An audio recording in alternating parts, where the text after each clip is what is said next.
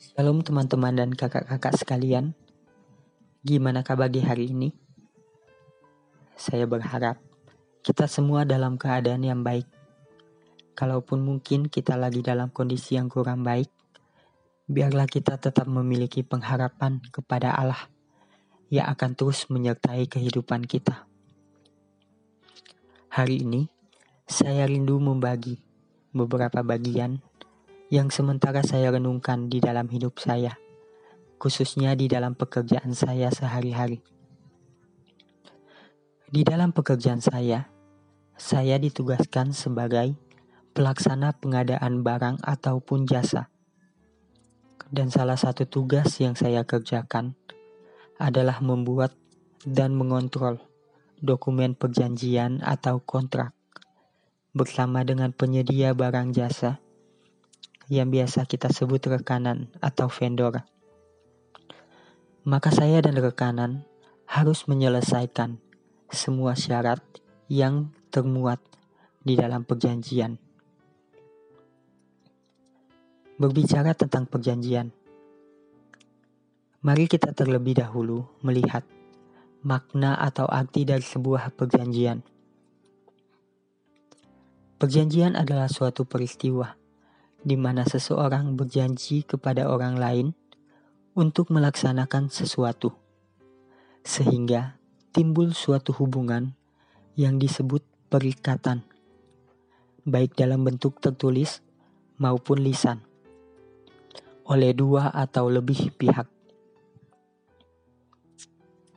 Sahnya suatu perjanjian dimulai ketika kedua belah pihak sepakat sampai dengan perjanjian berakhir. Sedangkan suatu perjanjian dapat dikatakan berakhir adalah ketika kedua belah pihak menyelesaikan semua prestasi atau komitmen mereka. Ataupun perjanjian dapat dikatakan berakhir jika salah satu pihak melakukan one prestasi. Dalam artian lain adalah lalai atau ingkar janji. Maka kedua belah pihak harus selalu memperhatikan syarat demi syarat yang tertuang di dalam perjanjian tersebut. Alkitab adalah buku yang berisi perjanjian antara Allah dengan manusia. Kita bisa melihat sejak zaman Adam dan Hawa, Allah mengadakan perjanjian dengan mereka. Ada juga perjanjian antara Allah dengan Nuh pasca musibah air bah. Ada juga perjanjian antara Allah dengan Abraham berbicara tentang keturunan Abraham. Ada juga perjanjian antara Allah dengan Musa dan di dalamnya termu termuat tentang sepuluh hukum Taurat. Ada juga perjanjian antara Allah dengan Daud yang darinya akan lahir Sang Mesias, yaitu Kristus Yesus. Dan di dalam Perjanjian Baru, Allah pun berjanji bahwa kita tidak lagi dihakimi oleh hukum Taurat, melainkan kasih karunia, dan itu digenapi melalui Yesus Kristus. Serta perjanjian demi perjanjian lainnya, sehingga bukanlah hal yang tidak masuk di akal jika Alkitab disebut buku perjanjian. Itu sebabnya Alkitab dibagi dalam perjanjian lama dan perjanjian baru. Tapi bukan berarti perjanjian lama sudah usang dan hanya dipakai perjanjian baru. Perjanjian lama adalah nubuatan dari perjanjian baru. Sedangkan perjanjian baru adalah penggenapan dari perjanjian lama. Salah satu contoh, jika kita hanya melihat perjanjian baru, maka kita tidak akan mengerti kenapa bangsa Israel membutuhkan Mesias. Sedangkan jika kita hanya melihat perjanjian lama, maka kita tidak akan mengerti kenapa Mesias, yaitu Yesus Kristus, harus datang ke dunia. Karena itulah, baik perjanjian lama dan perjanjian baru merupakan kesatuan yang tidak bisa dipisahkan. Namun, jika kita membahas semua perjanjian yang tertuang dalam Alkitab, maka pastinya akan terlalu banyak. Hari ini, kita akan membahas perjanjian yang terjadi di dalam masa Paskah. Mari kita melihat Matius 26 ayatnya yang ke-14 dan 15. Saya akan membacakan kepada kakak-kakak sekalian. Kemudian pergilah seorang dari kedua belas murid itu, yang bernama Yudas Iskariot kepada imam-imam kepala.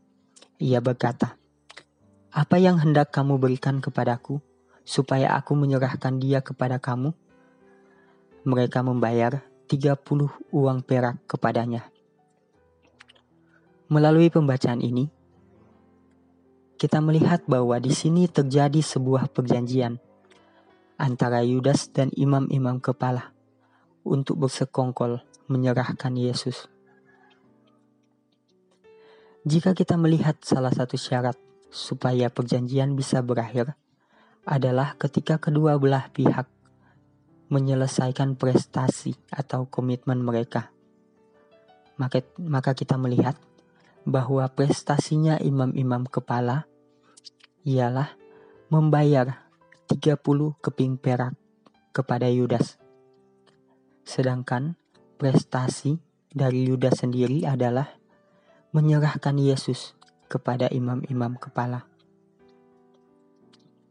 Sungguh suatu ironi bahwa suatu perjanjian dibuat atas dasar kejahatan, dan itu dilakukan oleh salah satu murid Yesus sendiri. Masa-masa hidup bersama antara Yesus dan Yudas serasa sangat tidak berharga sehingga dia menukar Yesus seharga 30 keping perak. Namun, perjanjian di masa Paskah tidak hanya sebatas perjanjiannya Yudas.